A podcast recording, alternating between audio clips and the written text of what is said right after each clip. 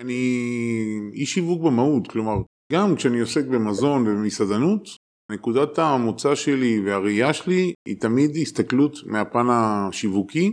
אפשר לראות את זה בהמון המון המון אה, נגזרות, בניהול השוטף, בחיי יומיום, באיך שאנחנו מייצרים אה, תוכן לעסקים שלנו מבחינת יחסי ציבור, מבחינת גימיקים, אפילו במנות.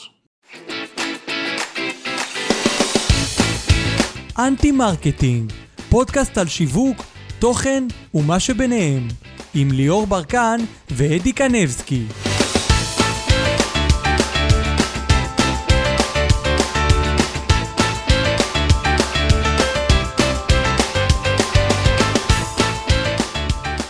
ברוכים הבאים ל Anti Marketing, לי קוראים אדי קנבסקי ואיתי מגיש את הפודקאסט הזה ליאור ברקן. איתנו בפרק נמצא היום ברנרדו בלחוביץ', אחד מהמסעדנים המובילים בישראל. היום ברנרדו הוא הבעלים של קבוצת קפה גן סיפור, הבעלים של מסעדת הסילו בחולון, נמצא בתהליך הקמה של מסעדה במלון הראשון בראשון לציון בשם רפאל, ובעבר היה גם ממקימי מסעדת גורדוס והמייסד של פיצה מטר. בקיצור, מסעדן של ה top מה שנקרא. ברנרדו, מה העניינים? בוקר טוב, הכל בוק... פיקס. תודה רבה שאתה מארח אותנו אצלך. ספר לנו איך הגעת לעולם המסעדנות. אה, לעולם המסעדנות הגעתי די במקרה, התייתמתי משני הורים בגיל מאוד מאוד צעיר, 18 תוך שנה, אז היינו צריכים לעבוד, אני עובד מגיל מאוד מאוד צעיר, ואפשרויות בגיל העשרה הן לא רבות, וכך התגלגלתי להיות ברמן במסעדה בראשון לציון, ועם הזמן נהייתי אחמה שם, ומכיוון שהתייתמתי בגיל צבא משני הורים, אז אה, לא יכולתי ללכת ללמוד, הלכתי ישר לעבודה וזה מה שידעתי לעשות, מסעדנות, והחלטתי להתמקצע בזה ולראות את עתידי שם. קיבלת איזושהי השראה מהבית בכיוון של האוכל? לפני הקלטה של הפודקאסט ישבנו ואתה מחמש דקות של היכרות איתך אתה נשמע לי בן אדם מאוד מבריק. יכלת לעשות מה שאתה רוצה, אתה איש שיווק, אתה מנהל, אתה הכל. למה דווקא מסעדנות? למה לא תחום אחר? אה, מסעדנות אני אוהב, אני אוהב אוכל, אני שמן במהות שלי, השראה מהמוצא שלי אורוגוואי קיבלתי כי עובדה שפיצה מטר הפרויקט הראשון שלי בתור עצמאי ולא היו רבים כאלה אבל בית ספר האוניברסיטה שלי הייתה פיצה מטר לטוב ולרע היא השראה אורוגוואית. הפיצה באורוגוואי מאז ומתמיד הייתה מלבנית. אמנם לא נמכרה לפי מטר ולא נמכרת לפי מטר עד היום אבל בהחלט מלבנית.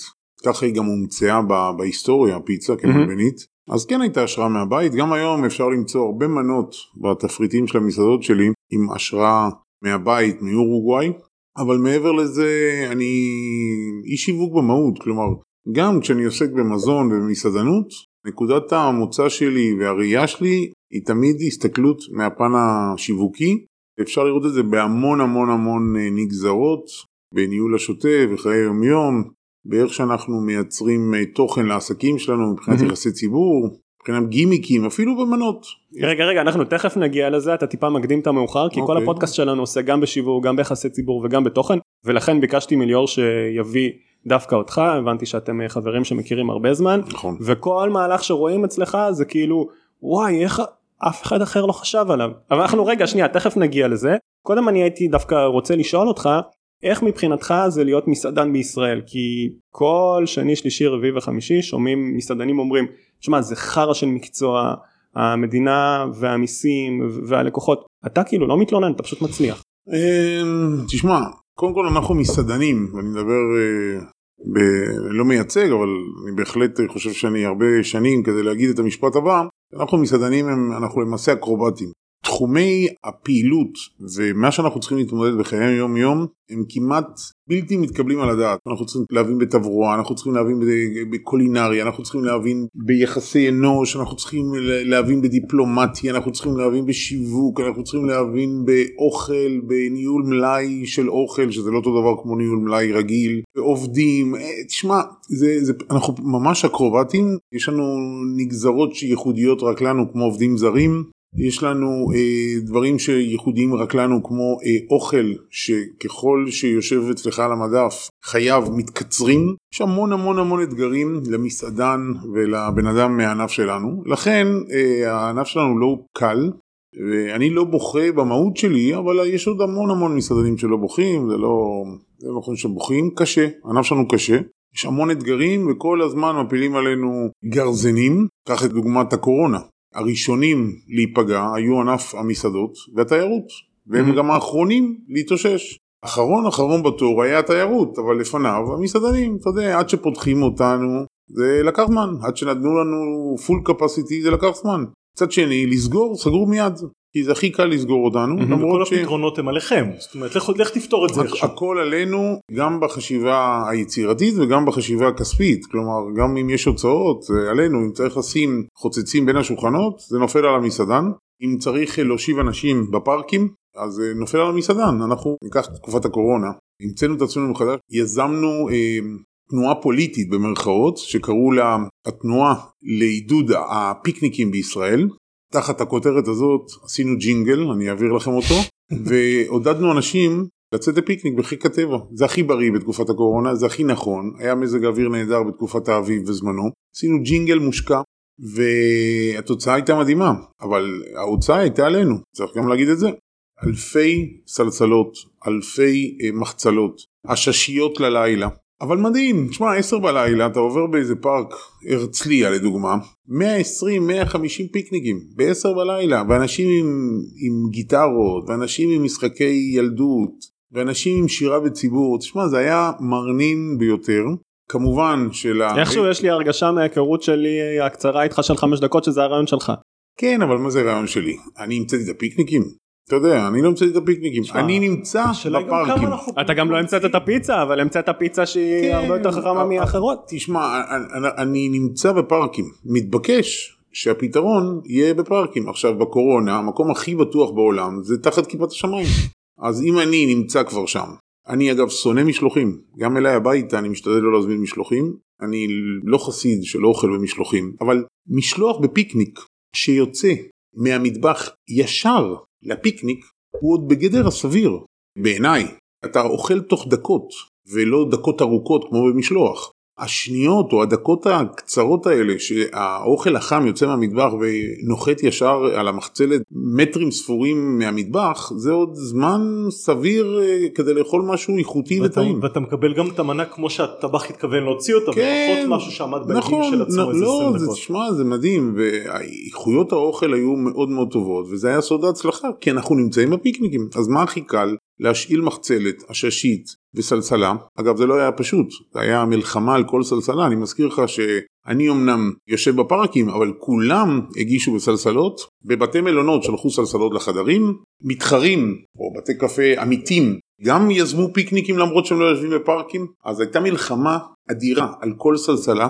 אני הייתי מחכה ליבואנים ב-6 בבוקר כדי לשים יד על כל סלסלה שפנויה. מחצלות זה היה משימה בלתי אפשרית, כולם היו באטרף סביב מחצלות. קנינו 2,500 מחצלות ו-2,500 סלסלות. זה היה מטורף. גם המחירים עלו בהתאמה, אבל התוצאה הייתה מדהימה, מדהימה, מדהימה, מדהימה, מדהימה. ולראות פארק מפוצץ פיקניקים זה היה, תקשיב, זה היה אחד הדברים הכי מדהימים. יום שישי, תשע בערב, אנשים עושים קבלת שבת בפיקניק בפארק. זה, זה לא קרה מעולם. זו הייתה תקופה... בעידן האינטרנט והטלוויזיה שכולם גם ככה כל אחד בפינה שלו, פתאום כל המשפחה ביחד בחוץ. מדהים, מדהים, מדהים. מדהים. זו הייתה תקופה מאוד רומנטית, מאוד רומנטית. שתו המון יין, אפילו הייתה עלייה אדירה בצריכת יין. זו הייתה תקופה מאוד רומנטית, מאוד זוגית, מאוד משפחתית. ואנחנו אה, שמנו אה, נעצים על כל הדברים האלה ועשינו אפילו אה, שמפניירות מפלסטיק חד פעמיות שפיצצנו אותם בקרח ומכרנו את היין בשמפניירה חד פעמית או רב פעמית אבל גמישה ועשינו מהדורה ממותגת שלנו כדי לתת עידוד לצריכת יין. היה תקופה מדהימה וכיוון שאנחנו גוף קטן ופועלים כמו קומנדו ידענו לעשות לקבל החלטות ולפעול מהר. וכשפועלים מהר אתה יודע אתה פועל הד הוק החלטות מתקבלות במהירות וגם מבוצעות במהירות. אז זה מתוך אה, צורת חשיבה שמתבססת עם השנים כמסעדן שגם ככה כל הזמן מנחיתים עליו משהו, כל אז אתה הזמן. מתרגל לחשוב בצורה יצירתית ומאוד מהר, מה שלא בהכרח קורה בכל תחום אחר. תשמע, כמו בכל דבר, יש את האנשים היצירתיים שחושבים מחוץ לקופסה, בכל ענף ובכל תחום, וגם אצלנו יש המון אנשים מאוד יצירתיים, אני חושב שהקולינריה בישראל ובתל אביב בפרט היא מאוד מתקדמת, אנחנו במקום מאוד מאוד מאוד איכותי, מאוד יצירתי, בהשוואה לכל אה, בירות העולם המובילות קולינרית, אין לנו במה להתבייש, יש לנו מסעדנים מצוינים, מסעדנים איכותיים, וכמו בכל מקום יש גם הרבה חאפרים והרבה חלטוריסטים.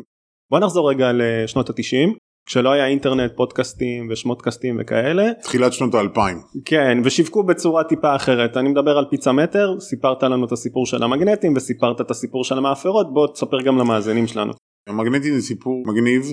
במאה הקודמת הדרך היחידה להזכיר ללקוח בבית את העסק שלך זה במגנט במקרר. או פרסומת בטלוויזיה שזה משמעות. שזה מאוד יקר ואני לא חוץ מהרשתות האמריקאיות הגדולות כמו פיצה דונס ופיצה האט אני לא מכיר רשתות קטנות וצנועות שהצליחו להגיע לטלוויזיה אבל חלומו של כל בעל עסק זה להתגנב בלילה לבית משפחת כהן בתל אביב ול- ולגזור להם את הדף של הפיצריות בין דפי זהב. זה בוא, בוא, בוא, בוא נהיה אמיתיים זה חלומו של כל בעל עסק. ולשים במקומו עמוד אחד כולו שלי עם הפרסומת שלי להדביק ולצאת אבל זה ייקח שנים זה מאוד קשה וזה גם לא חוקי. אז בכל זאת איך מגלחים את הטלפונים של המתחרים מכל הבתים בעיר פשוט נותנים על כל שלוש מגנטים של פיצות עגולות שכולם היו עגולות חוץ מפיצה מטר נותנים פיצה מתנה וכך היה. פרסמנו קופון שבועי במעריב בגב העיתון בגב הכותרת תביאו לנו שלוש מגנטים של פיצות עגולות לא ציינו של מי זה לא עניין אותנו ואנחנו ניתן לכם פיצה תמורת וזה פשוט עשה את העבודה אנשים הורידו את הטלפון של המתחרה שלך שזה חלומו של כל בעל עסק ומסרו לך את הטלפון למעשה הם ויתרו על האזכור של העסק שלו מהמקרר אצלהם בבית ולקחו גם פיצה תמורת זה וגם מגנט שלך ושמו את המגנט שלך במקרר ועם הזמן הבנו שאנחנו מתחילים לגלח את כל המתחרים מכל המקררים בעיר. אה, אה, התופעת לוואי הייתה שהתחלנו לשמוע שהישראלים הם הרבה יותר מתוחכמים. הם אמרו מה סיימנו לגלח את המקרר בוא נמשיך הם היו נכנסים למתחרים שלנו מבקשים רק מגנטים וממשיכים לצעוד אלינו המתחרים קלטו את זה הפסיקו לחלק מגנטים הפסיקו לחלק מגנטים גם במשלוחים שזה רגע בוא נעצור אותך כרגע שזה בערך כמו אם אנחנו משווים את זה לישראל 2022 כמו שתגיד למישהו שרוצה לקנות לך פיצה אתה תקבל פיצה חינם במידה ותסגור לפיצה את האתר. ממש ככה. אנחנו, תשמע, זה, זה סימבולי, זה מדהים, כי המתחרה קודם כל הפסיק לפרסם את עצמו ולשלוח לך מגנט, והפסיק לחלק מגנטים. אבל מעבר לזה, הלקוח נקשר אליך רגשית, כי זה מגניב, זה מעניין, ועשית מהלך שהוא בעצם, אתה משתף אותו במהלך שיווקי, הוא אקטיבי במהלך הזה. והוא רוצה שתצליח. כן, כי זה נחמד. זה... פיצה. וכי אתה אנדרדוג. וזה מתאים לאנדרדוגים והאמת היא שזה היה מדהים. איך חושבים על רעיון כזה? כאילו זה נשמע הכי טריוויאלי והכי מתבקש אבל זה פשוט גאוני. בדיעבד זה הכי טריוויאלי. תשמע אני תמיד אומר הרעיונות השיווקים הכי טובים נמצאים מתחת לאף והם הכי זולים הם הכי פשוטים לביצוע זה נולד מה... אני באמת כל הזמן חושב שיווק וזה נולד מדפי זהב. נכשלתי ברעיון של דפי זהב, ההוא שרציתי לגנוב את הנייר וזה וזה וזה, אז uh, הגעתי למגנטים. כנ"ל לגבי מאפרות, גילינו אז שגונבים שתי דברים מהשולחנות, אחד זה טבסקו ושתיים זה מאפרות. אז אמרתי טוב אם גונבים מאפרות ומעשנים בחברותה בבית אז לפחות שיהיה פרסומת אז הפקנו אלפיים מאפרות שבתוכן היה מודפס נגנבתי מפיצה מטר. תשמע זה היה מדהים כי קודם כל עוד פעם הכנסת פרסומת לבתים ותל אביבים מעשנים בחברותה ובכלל בחברותה אבל כשנמצאים בחברותה מזמינים פיצה לרוב אז על הדרך גם עשינו שירות נהדר וגם על הדרך מי שגנב לפחות הרגיש טוב עם עצמו וגם אני הרגשתי טוב עם עצמי. כאילו אתה, הוא... אתה ממש אמרת לו תגנוב את המאפרה אז כתבת שם. ממש ממש אני עודדתי אותו לגנוב הוא הרגיש טוב עם הגניבה אבל על הדרך הוא עשה לי שירות כי אני נכנסתי עם פרסומת אליו לשולחן הסלון וזה עשה לי זה גם קטע החבר שלו רואה את זה וצוחק איתו על זה אבל שניהם מדברים כרגע על פיצה כן, מטר. ואני אני בספק אם בסוף תוזמן פיצה אחרת אחרי הקטע הזה וזה בסוף אה, מה שקושר לקוחות לעסקים הקשר הרגשי הקשר שמגיע מזה שאתה אנדרדוג ונקשרים אליך אה, בסוף אנשים אוהבים לקנות אבל לא אוהבים שמוכרים להם אז אם אתה מתאמץ למכור למישהו אתה בבעיה. אבל צריך להבין אנשים אוהבים לקנות צריך להגיע אליהם לא דרך זה שמכרת להם וזה האתגר הכי גדול ועל זה אני כל הזמן חושב. אני זוכר שההיתקלות הראשונה שלי עם פיצה מטר הייתה כולם דיברו פיצה מטר פיצה מטר התקשרתי וענה לי מישהו הוא לא אמר שלום מדבר זה פיצה מטר שלום עכשיו כל פעם שהתקשרתי פיצה מטר שלום. זה היה פיצה מטר שלום ואז וזה בן אדם זה לא הקלטה. כן, לא, לא, זה היה בן אדם, עברנו אודישנים, בזמן החפיפה חלק מהאודישנים היה לעשות את הפיצה מטר שלום ארוך ארוך ארוך. תשמע, הסיפור הוא מדהים, כי אה, זה נולד בכלל מדבר אחר. אנחנו אמרנו שאנחנו פיצה דרום אמריקנה. עכשיו, איך בכל זאת אתה מוכר, אתה יודע, זה, אתם עוסקים בסיפורים, ב storytelling, איך אתה מוכר במרכאות את הסיפור שאתה דרום אמריקאי, זה שאתה צועק שאתה דרום אמריקאי לא עושה אותך דרום אמריקאי, זה שקוראים לך ברנרדו לא עושה אותך דרום אמריקאי, וזה שאתה אומר שאתה דרום אמריקאי, אה, זה לא אמין. מבטא ובשר. או, או, אז מה עשינו? באתר סיימנו את האתר בסיומת קום, לא co.il. ולמה? כי אמרנו, תשמע, אם אנחנו נהיה בסיומת קום, זה נותן ניחוח של חו"ל. חו"ל, וכולם, ראינו את המתחרים, כולם היו בסיומת co.il. אמרנו, טוב, אנחנו נהיה קום. קודם כל נהיה קום. הדבר השני, לא מצאת איזה דומיין של אורוגוואי? לא, קניתי פיצה מטר דוט קום. וככה שיווקנו את הפיצות על הקרטון היה רשום פיצה מטר דוט קום. עכשיו מי שראה את קום אמר אה החבר'ה האלה בינלאומיים אבל עזוב אנחנו היינו פה חולונים. אה, הדבר השני שעשינו איך שדר במשחק כדורגל מכריז על גול אומר גול גול גול זה הכי מזוהה עם דרום אמריקה שהוא צועק גול גול גול גול גול. לא אין בעיה אנחנו נקבל את הלקוחות בטלפון בפיצה מטר שלום. עכשיו הייתה רק בעיה אחת עם זה אבל זה היה שווה את, ה... את היעילות. כל בן אדם ששמע איך אה, אנחנו מקבלים שיחה נשפך מצחוק וביקש שידור חוזר אז זה גנב לנו חצי דקה שזה המון זה המון משיחת טלפון. כי קודם כל הוא עשר שניות על הרצפה נשפך מצחוק דבר שני הוא מבקש עוד פעם ועוד פעם אבל זה עשה לנו שירות נהדר תחשוב על חוויית קנייה, אף אחד לא דיבר אז על חוויית קנייה, אבל חוויית קנייה הייתה כיפית. היה כן, כיף. זה חלק מהעניין. כיף. המחשבה הזאת על המאפרות, המחשבה על השיחה, המחשבה על המבצעים המגנטיים, זה מייצר הרבה מאוד כיף ומחבר אותו למותג. לגמרי. זה לא ואני- חשיבה. היינו. היינו, אם כבר מדברים על חוויה, היינו הראשונים, הייתה לי בחורה שהייתה מקבלת 20 משלוחים בצורה אקראית מכל סניף, והייתה מתקשרת יום אחרי לשאול איך הפיצה הייתה. היה לנו אה, שיטה שגם היינו מתקשרים לשאול איך הייתה הפיצה אתמול, בחורה שהייתה מרכזת הרשימות, וזה היה מאוד מאוד חשוב לנו, זה התקבל אה, בצורה מדהימה על ידי הלקוחות. היה אכפת לנו גם מה חושבים על הפיצה, איך היה השירות, איך היה השליח.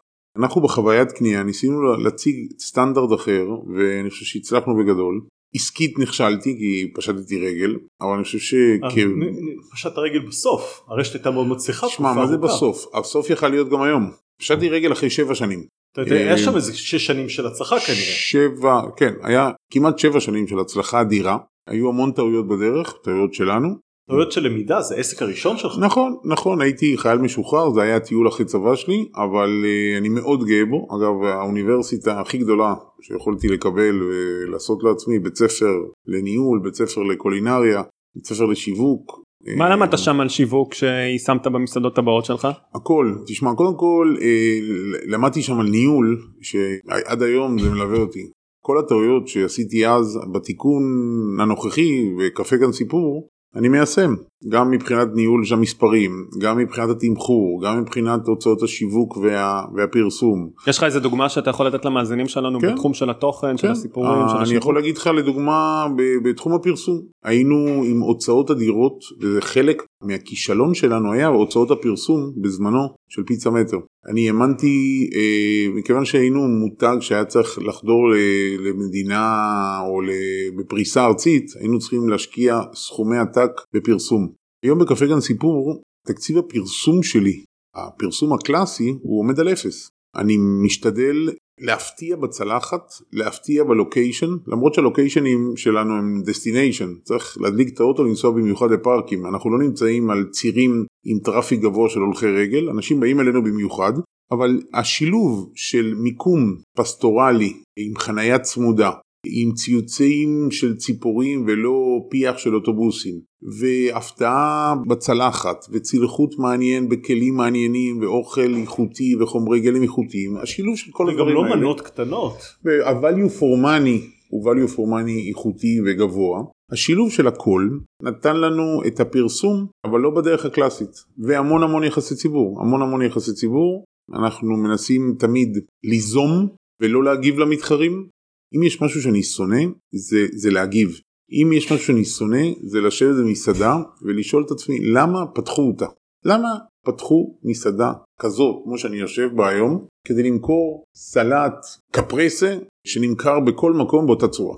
אז אה, אני סלט משתדל, טוסט וקפה. ואתה אומר אוקיי למה צריך עוד אחד כזה. אה, אז, אז נכון, אז, אז אני משתדל ולכן קמה פיצה מטר שהייתה שונה והייתה אחרת ולכן קפה גן סיפור אותו דבר מנסה בשוק רווי מאוד מאוד מאוד של בתי קפה לנעוץ את הנעת בחור הקטן הקטן שנשאר עוד בקיר כדי לנעוץ עוד נעץ במשהו שהוא קצת אחרת ומרגיש כמו בית קפה אחר ולא עוד איזה שכפול של עוד רשת בתי קפה.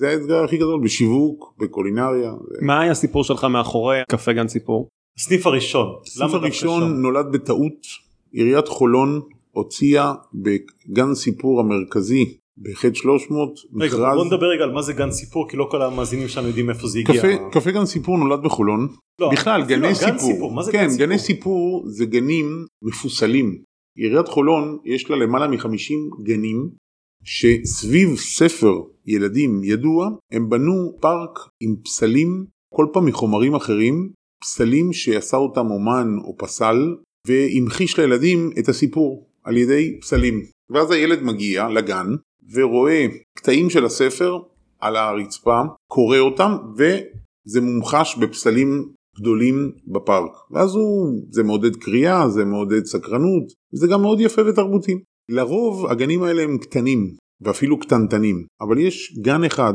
שמרוכזים בו שמונה גני סיפור ביחד בחטא 300, שכונה במרכז חולון, ליד קניון חולון, ושם הם החליטו אה, לבנות בית קפה לרווחת התושבים, והמכרז יצא פעם ראשונה ואף אחד לא ניגש. המכרז יצא פעם שנייה ואף אחד לא ניגש. ואז עיריית חולון קראה ליזמים ולאנשים מהתחום שלנו שיבואו לראות את המקום בפעם השלישית כי המכרז כבר יצא פעמיים ואף אחד לא ניגש. ובאמת הגיעו 30 איש, הגיעו, הגיעו מלא אנשים לראות את המקום, אנשי, אנשים מהענף שלי, אבל אני ראיתי בעיניים שאנשים לא מאמינים, ל, לא מאמינים במיקום הזה.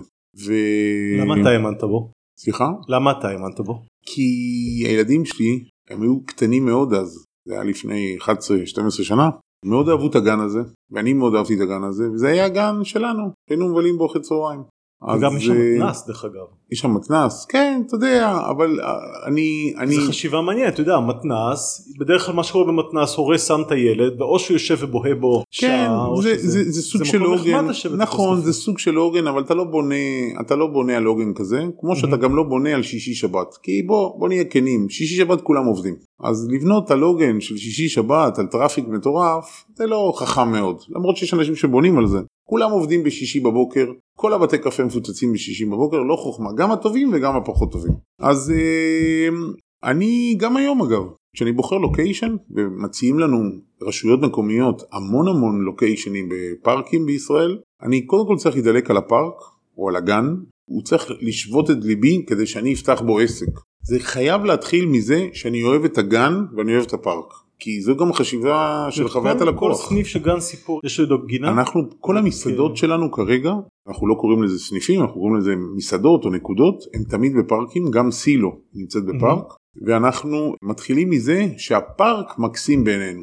חוויית לקוח מתחילה בפארק, לא בבית קפה. אוקיי. אז אה, אם אתה שואל למה, למה שם, למרות שהוא מקום נחווה אל הכלים, למרות שהוא חבוי מאחורי אולם ספורט, למרות שאתה לא יכול לטעות ולעבור שם במקרה, אתה חייב להגיע לשם במיוחד, כל הסיבות למה לא פותחים עסק שם, ולכן אף אחד לא האמין בנקודה הזאת, אני דווקא האמנתי בנקודה הזאת, כי היא הייתה מספיק ייחודית ומספיק מיוחדת ומבודלת כדי לעשות שם משהו אחר. ומתוך השלושים אתה היחיד בעצם שניגשת למכרז? ניגשנו לבד, כן. אז יכלת להציע מה שאתה רוצה וכאילו כן, אין מה לעשות. עם השטח הזה. אבל אתה לא. יודע, כשאתה מציע, אתה לא יודע שאתה מציע לבד, אתה Mm. יודע בדיעבד. היום אני אומר לך שניגשתי לבד, אז לא ידעתי שאני ניגש לבד, וגם אה, כשאתה הולך להציע הצעה, אתה מציע הצעה כאילו חמישה מתחרים יהיו על ההצעה הזאת. אז אה, אני לא, לא ידעתי אז. מה שמעניין את אה, ליאור ואותי בעיקר זה איך הראש שלך עובד. כאילו אתה מדבר איתי על אה, דברים שאפשר ללמד ב business management באוקספורד וכאלה ואנשים השתהו ואתה כאילו לא באמת מגיע מתחום השיווק אתה מסעדן אבל איך אתה חושב בצורה הזו כאילו מאיפה אתה מקבל השראה איך הדרך שלך בכלל התחילה לחשוב הרי לא מגיל שמונה נולדת ככה ואתה חושב בצורה תשמע, כזו מיוחדת. אה, אני נותן פרשנות מאוד רחבה לנושא שיווק, והפרשנות שלי היא מאוד מאוד רחבה והיא מתחילה מחוות הלקוח. ההסתכלות שלי ואיך שאני עובד ואיך שאני גם משרת את הלקוחות שלי היא הסתכלות שיווקית.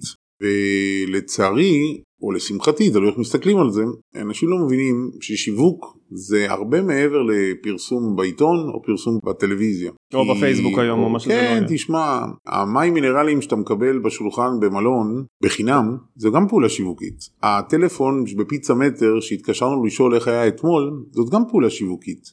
הייתם מתקשרים לאנשים אחרי שהם הזמינו פיצה? כן ואני מדבר איתך על 25 שנה אחורה.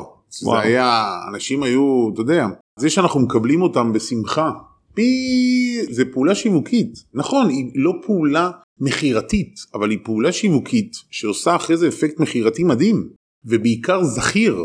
תשמע זוכרים אותך אין מה לעשות. כשאתה עושה דברים לרווחת הלקוח ואתה מפתח לו את חוויית השירות וחוויית הקנייה או חוויית השהות שלך בעסק שלך זאת חוויה שיווקית זו, זו פעולה שיווקית.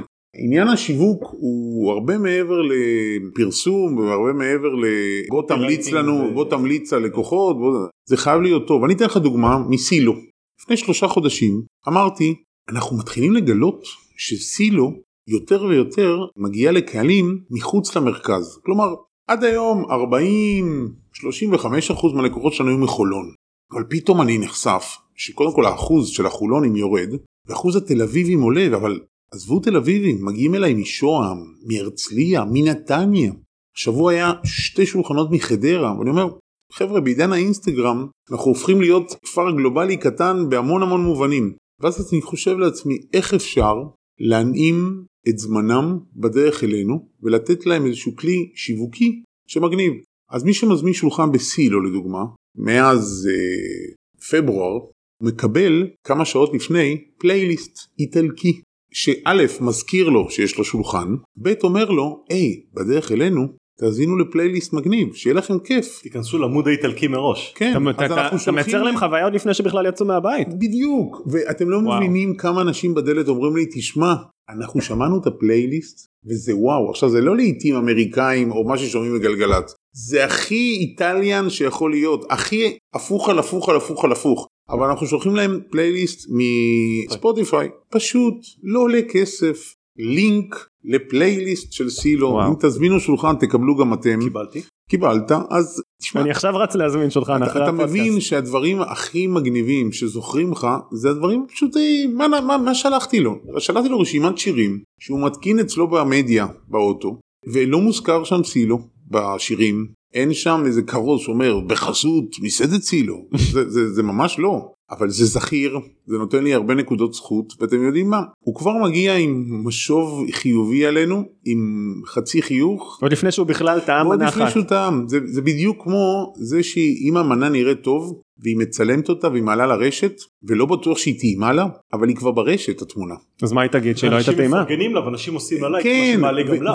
ולא נעים לי להגיד לך חלקן גם לא אוכלות אותה כן הן רק מצלמות אותה אתה יודע זה, זה הזוי אבל זה בדיוק זה כלומר עוד לפני החוויה כבר הייתה פעולה טובה רגע איך חשבת על המהלך הזה של לשלוח להם את הלינק של השירים? כי הבנתי שהלקוחות שמגיעים אליי כבר לא נוסעים רבע שעה נוסעים חצי שעה נוסעים 45 דקות נוסעים שעה וואלה תשמע איך אני עושה משהו שעל הדרך גם מזכיר להם שיש להם שולחן כדי שלא יתפספס להם mm-hmm. ועל הדרך עושה פעולה שיווקית לא מכירתית, שיווקית נכונה. היו לך עוד רעיונות שנפסלו בעריכה מה שנקרא או שזה הדבר היחיד שחשבת עליו ואמרת אוקיי סבבה זה... שמע אני כל הזמן חושב על רעיונות. לא הרעיון הספציפי הזה לאיך אתה גורם לאנשים מרחוק מחדרה. לא, מ... לא זה תשמע זה קל. זה קל. פלייליסט.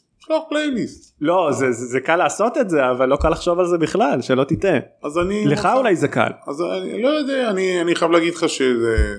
אני הייתי בלונדון והתקשרו אליי בבוקר היה לי בערב הזמנה למסעדה ובלונדון בבוקר התקשרו לשאול אותי שאלה קודם כל שלום יש לך שולחן רצינו לשאול אם יש לכם אלרגיות מסוימות. אוקיי. Okay. שזה מדהים.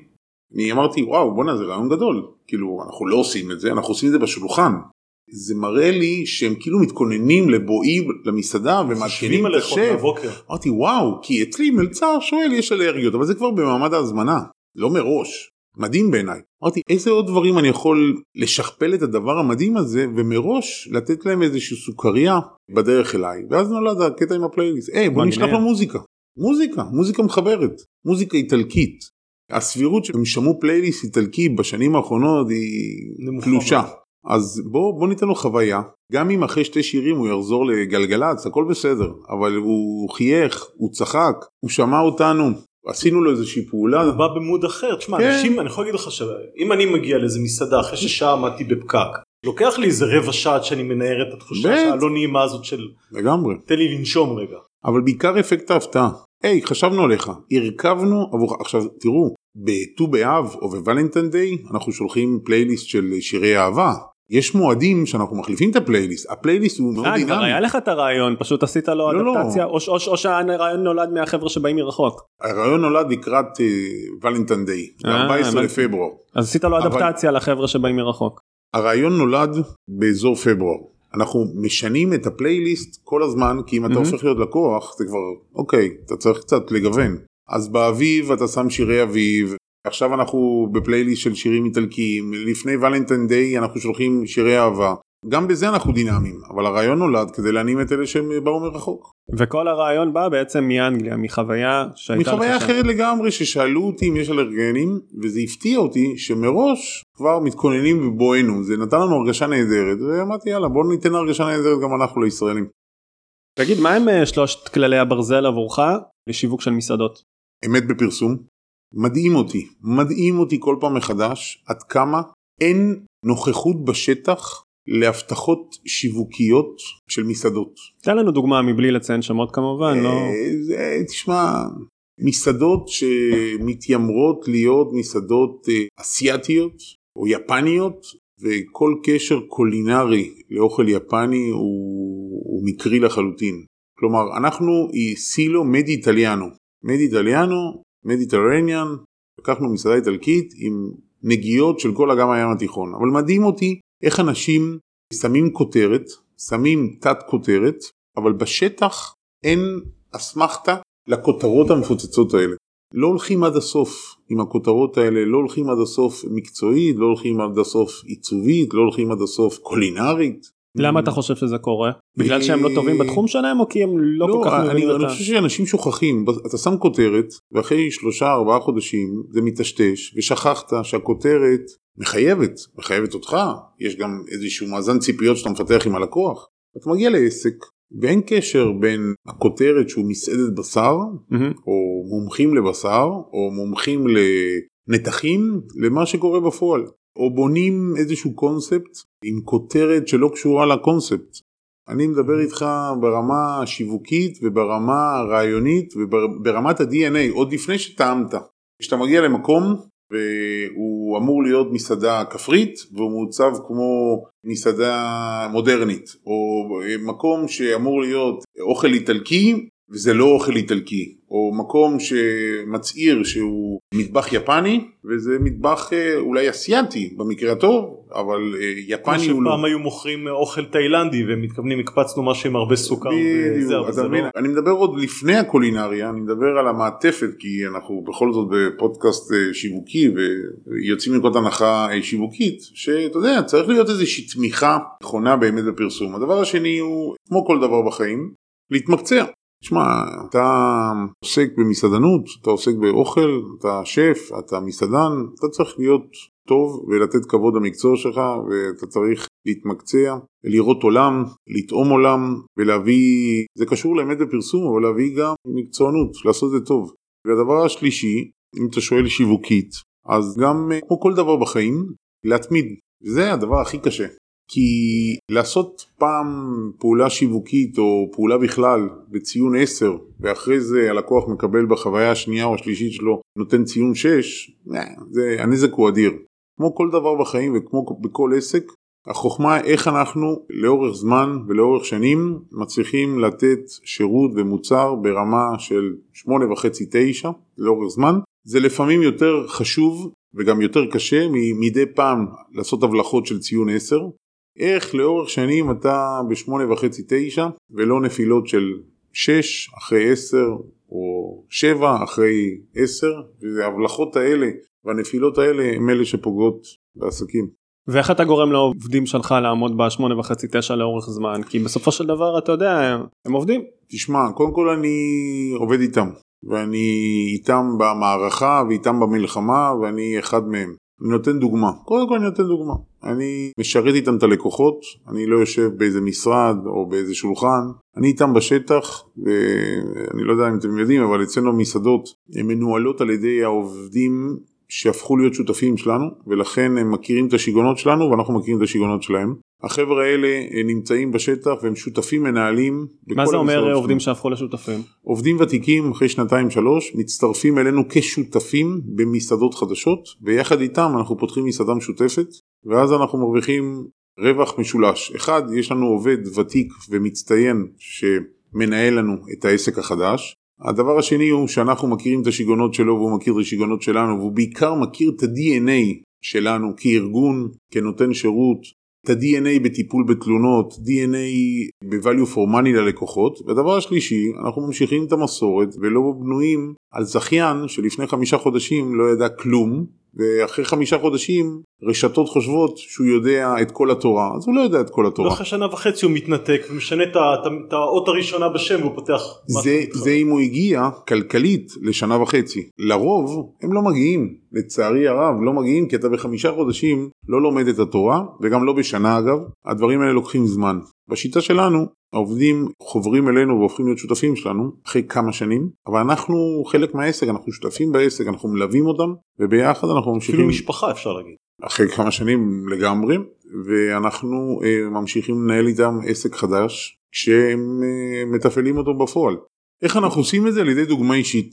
אנחנו איתם, אנחנו כל היום, כל היום מתקנים ומלמדים ומתדרכים את הצוות. ברגע שבעל הבית בעסק אמרו חכמינו הדברים נראים אחרת. ואתה אז... נמצא כל יום בעסק? כל יום. צריך להבין שהעסק זה אני כל יום לא נמצא בפלור, מסעדות. אני כל היום נמצא בפלור, כן אבל שותפיי נמצאים כל עכשיו אין לך עסק אחד יש לך לכן, קצת יותר מאחד לכן, אז מה, מה קורה? לכן העובדים המצטיינים הופכים להיות שותפים שלנו והם ממשיכים את מה שאני עושה.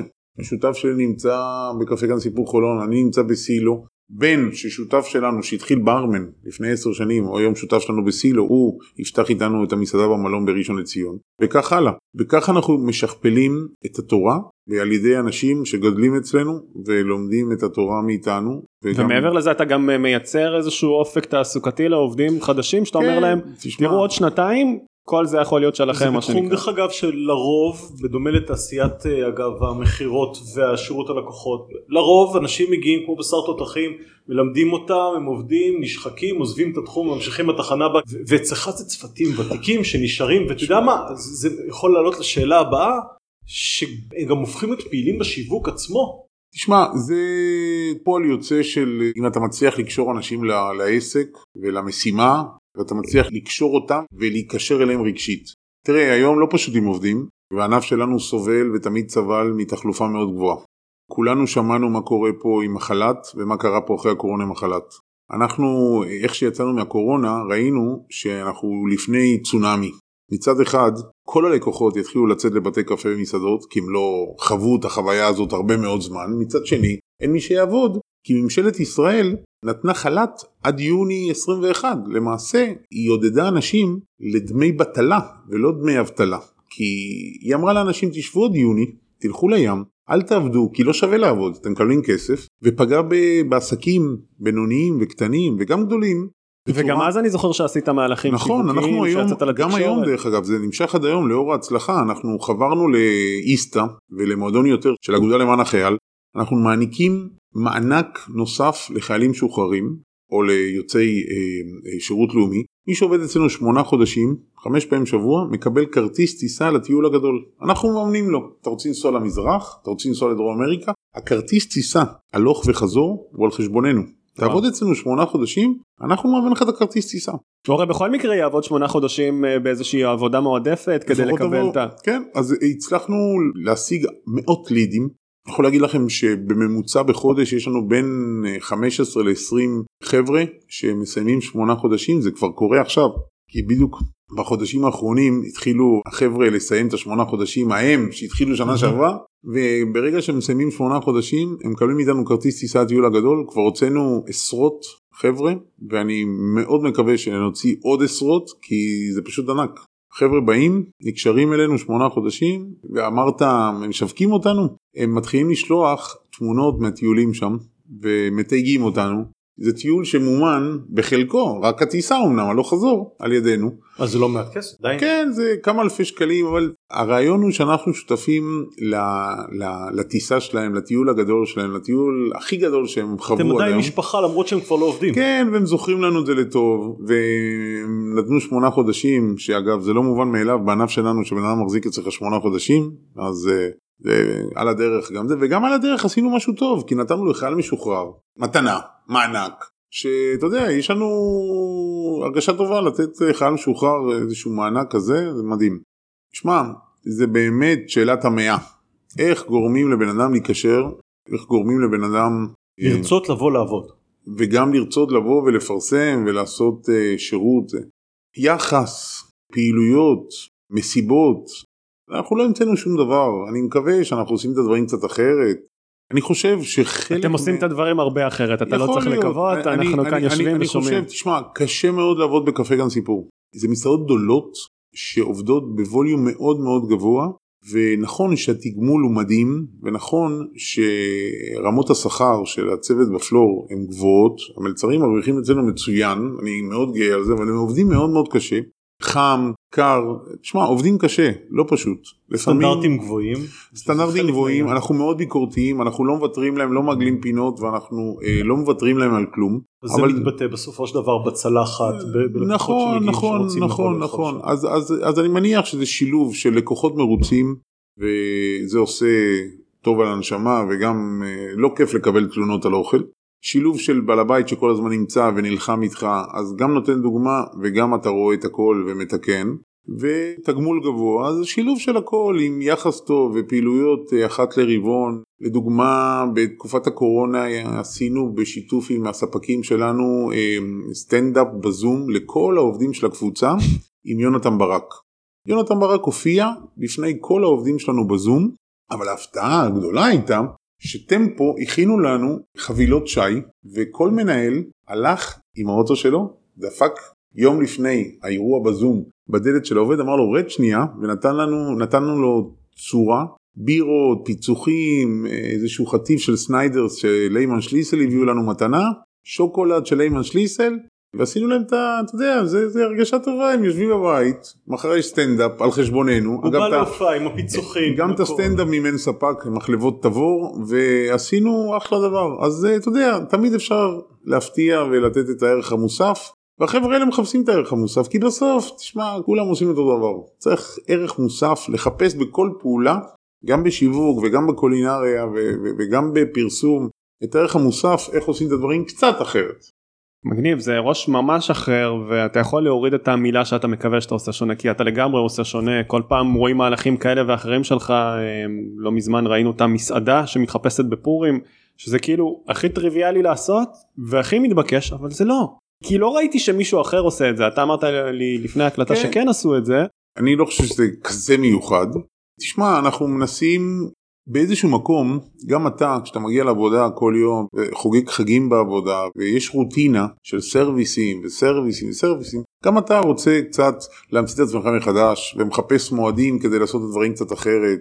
ואז אז אנחנו עושים את זה בקולינרית על ידי ספיישלים ומיוחדים של היום, ואז יש לנו קצת מנה חדשה לדבר עליה, ומנה חדשה כדי להשוויץ בפניה בלקוח. מגיע פורים, אז עשינו השנה בסילו אה, פורים מקסיקני, כל הצוות לבש מקסיקו, ועשינו תפריט מקסיקני גרידה. זה הקטע עזוב הצוות של לבש מקסיקני זה עוד ניחא הגיוני אבל אתה כאילו הפכת את המסעדה מאיטלקית למקסיקני נכון, אה, לפני זה כמה שנים. השוס לא נכון, זה כן, שהצוות אבל, לבש. אבל זה, זה גם חלק ש... ש זה, זה גם בשבילך, בשביל הנפש שלך, קצת לשנות אווירה, קצת לשנות את האוכל, קצת לשנות את, ה, אה, את, ה, את מה שאתה רואה בעיניים.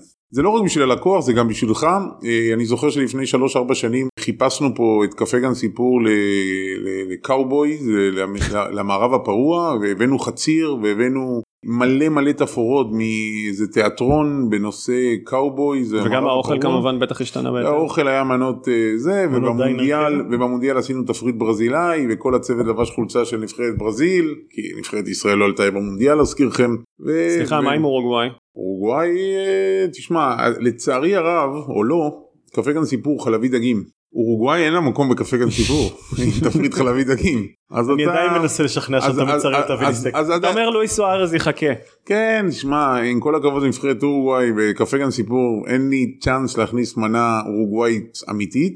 מצד שני, אתה כן יכול לעשות את זה נגיד במקומות כמו סילו. כן, כן, כן. אה, יש לנו שניצל נפוליטנה, זה מנה אורוגוואית לחלוטין, זה שניצל, ולמעשה זה פיצה. פיצה שהבסיס שלה הוא לא בצק, הוא שניצל בקר.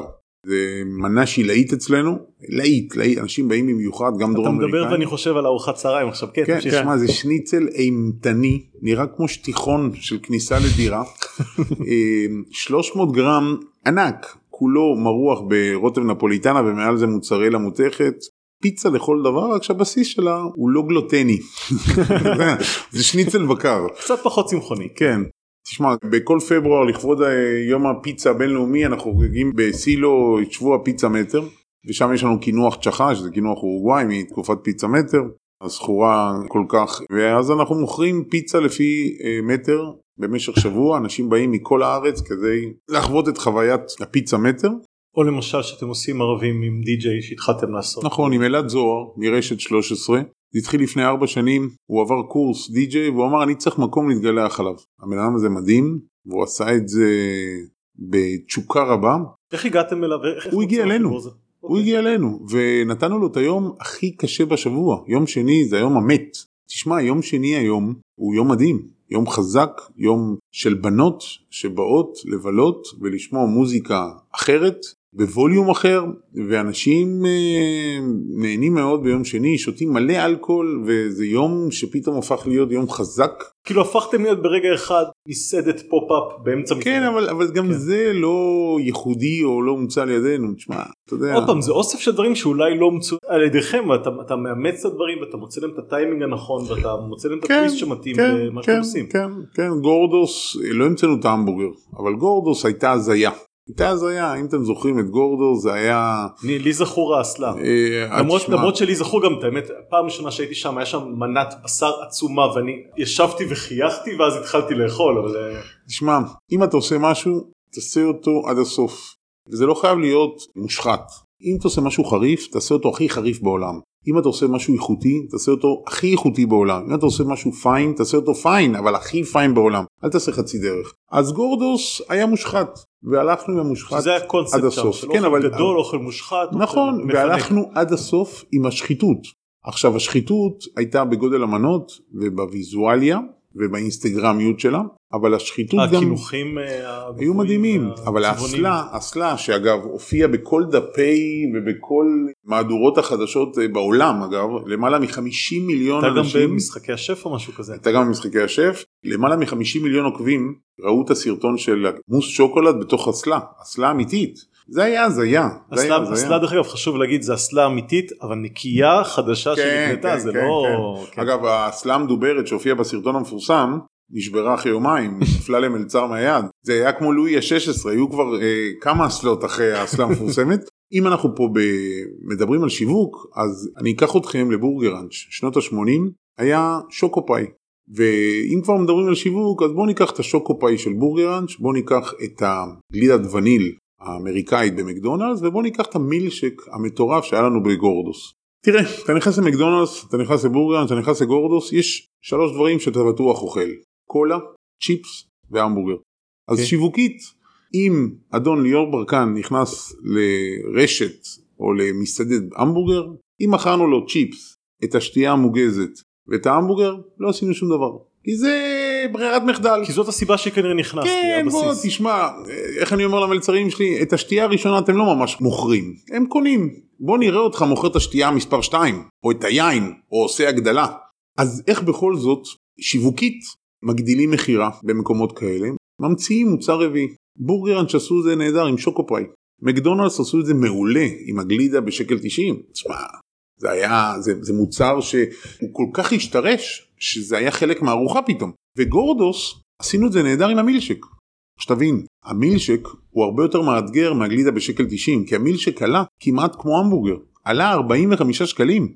שמע, להביא מוצר רביעי בעלות של 45 שקלים, שזה בערך עוד 50 אחוז ממוצע לסועד, זה אתגר, תקשיב, אתה אומר לבן אדם, תכננת להוציא 80 שקל, אני גורם לך להוציא 120 שקל ידי מוצר רביעי. זה היה מדהים, ההצלחה של המוצר הרביעי של גורדוס, שזה היה מוצר לא זול, הייתה מדהימה. על הדרך היה אתגר לא פשוט, זה גם בכל זאת זה בשר וחלב, אז uh, הייתי רואה אנשים מזמינים מילצ'ק ומחכים. זה היה מוזר לי ויותר ויותר אנשים היו מתחילים מהמילשק. הם הבנתי. חצי בגלל החלב. בשר. כן, והיה לי תור, אתה יודע, תור גורדוס בתקופה שפתחנו, אנשים היו עומדים שם בטור בחוץ. שעתיים. לא הייתי מבין איך אנשים שמים מילשק ויושבים, מדברים, וזה, זה. והייתי שואל אותם, אה, מה קורה חבר'ה יש לי פה אנחנו, לא, אבל אנחנו מחכים, מחכים להזמין את ההמבורגר, אבל התחילו הפוך, תשמע זה היה מדהים, היה הם טוב, התחילו מהמילשק כדי לעבור להמבורגר אחרי בין חצי שעה, חלב לבשר צריך חצי שעה כן. והפוך זה שזה כמה שעות. זה היה מדהים, וזה התבטא בממוצע לסועד גבוה, כי מוצר רביעי היה כל כך מגניב וכל כך מגרה, שהמוצר הרביעי זה, זה המוצר שבנה את העסק, את גורדוס, המבורגר לא בנה את העסק, מה שבנה את העסק זה המוצר הרביעי, אז אם זה שיווק, אז uh, אתה צריך תמיד לשאול את עצמך, אוקיי, יש ברירות מחדל ויש ברירות שאתה uh, צריך להתאמץ כדי למכור אותן, ואיך אנחנו גורמים לאנשים uh, לא להתכוון, ובכל זאת למכור משהו שלא התכוונו בהתחלה. מה השלב הבא עבורך? יש לנו שני פרויקטים חשובים מאוד לשנים הקרובות, אחד זה המסעדה במלון הראשון בראשון לציון, מלון בוטיק, בית הפקידות ההיסטורי של הברון רוטשילד, מבנה לשימור מ-1883, אנחנו בונים שם מסעדה איטלקית, New Old Italian, שילוב של חדש וישן, איטלקי, מה זה אומר? זה אומר מנות קלאסיות לצד מנות פיוז'ן איטלקיות, זה אומר צלחות קלאסי לצד צלחות קצת אחרת, זה אומר איטליה אבל עם קריצה. ומה היא תהיה שונה מהסילו למשל שהיא גם נתפסת כמסעדה אה, איטלקית? סילו היא מסעדה משפחתית יותר, היא מסעדה ים תיכונית, Med Italiano, זה מושג שאנחנו המצאנו כדי אה, להמחיש שלמעשה אנחנו מוכרים אוכל איטלקי עם נגיעות של אגן המים התיכון, פה היא תהיה יותר איטלקית, יותר אה, רומנטית, יותר לזוגות. היא תהיה מש... יותר צעירה. היא יותר צעירה, כן, פחות משפחתית, יהיה לה גם בר, קנטינה במרתף, יש לנו קימרון שם מדהים לשימור, אנחנו הולכים לבנות שם בר איטלקי מדהים, אבל איטליה, קוקטיילים איטלקיים ו- ו- ואלכוהול איטלקי זה ואוכל גם בר איטלקי. קוקטיילים, גם מסעדה שהיא חדשנית קצת בתפיסה שלה ביחס למסעדות איטלקיות רגילות. והדבר השני הוא גם מאיטליה, אנחנו בימים אלה מסיימים לבנות קונספט שאנחנו עמלים עליו שנים רבות של לואקר קפה. ליימן שליסל מביא עשרות שנים את המותג אה, לואקר לישראל. ישראל אה, פר נפש היא צרכנית מספר אחת של לואקר בעולם וואו. ואחד מצרכניות לואקר הגדולות בעולם גם בשוק אבסולוטי. יש להם שבעה בתי קפה מתוקים בעיקר באיטליה ולא בכדי הם רוצים לפתוח בישראל כי ישראל היא מדינה מאוד חשובה ללואקר ואנחנו מחזיקים בזיכיון של לואקר קפה ורוצים לפתוח סוף סוף אחרי שהתעכב בגלל הקורונה והמון המון עיכובים את הלואקר קפה הראשון בישראל הראשון מחוץ לאירופה ואני מקווה שזה יקרה במהלך 2023 בית. הקפה המתוק מבית לואקר הראשון בישראל. ברנרדו תקשיב היה פרק מלא בהמון טיפים שיווקיים מעולים וגם יוצאי דופן באמת אנחנו ראיינו עשרות אנשים כבר ממגוון תעשיות ונדיר להיפגש עם מישהו שהמוח שלו חושב בצורה כל כך יצירתית ואומר מה זה הכי מתבקש כאילו אתה אומר את זה כזה באהלן אהלן כאילו אה נו מה ברור אני מצחצח שיניים בבוקר מה ציפית שאני אצא מהבוקר אבל זה לא כזה כאילו לדעתי אתה לא קולט עד כמה זה יוצא דופן. ואנחנו כן כי זה המקצוע שלנו תודה רבה. אנחנו מאוד שמחנו תודה רבה אני מאוד נהניתי. אנחנו גם מאוד נהנינו אה, ליאור אתה תרצה לסכם כן, יש פה רק דבר אחד שרציתי להגיד לפני שאני אתן את הסיכום הסופי, שמה שמעניין פה זה דווקא החשיבה על שיווק כחוויה שלמה יותר, ולא רק על שיווק מהזווית שהיא לא צרה, אבל הזווית כאילו הצרה של פרסום, מכירות, יח"צ וכל מה שמשתמע, אלא להסתכל על כל החוויה הכוללת, כולל החוויה של הלקוח ועד החוויה של העובד. שבדרך כלל לא לוקחים את זה לשם בשיווק ואצלך לא רק שזה ניכר אלא גם מניב תוצאות זה גם רותם אנשים זה הופך אותם למשפחה זה הופך אותם לעובדים שעובדים פרקי זמן ארוכים יותר שזה הופך אותם גם לבעלים של נקודות בתוך הרשת ואתה יוצר משהו שהוא הרבה יותר גדול מרק אתה זה מה שמרשים בסיפור הזה. אז קודם כל אנחנו מאוד מאוד מודים לך על הזמן טוב. ועל כל המידע שנתת לנו פה עבור האנשים שלנו. אם יש לכם שאלות לברנרדו אשמח אם uh, תכתבו אותם בתגובות uh, בתוך האתר שלנו או בכל מקום אחר שבו אנחנו מפרסמים את הפודקאסט שלנו וכמו כן אם יש לכם אנשים נוספים שהייתם רוצים שאנחנו נראיין תעדכנו אותנו תכתבו בתגובות ואנחנו נשמח להביא אותם. אז שיהיה לכם יום מעולה ביי ביי. תודה רבה. תודה רבה שהאזנתם. מוזמנים לשמוע אותנו גם בספוטיפיי, אפל פודקאסט, גוגל פודקאסט ובכל אפליקציות ההסכתים. אפשר גם למצוא אותנו ופרטים נוספים על סוכנות השיווק שלנו באתר antimarketing.co.il.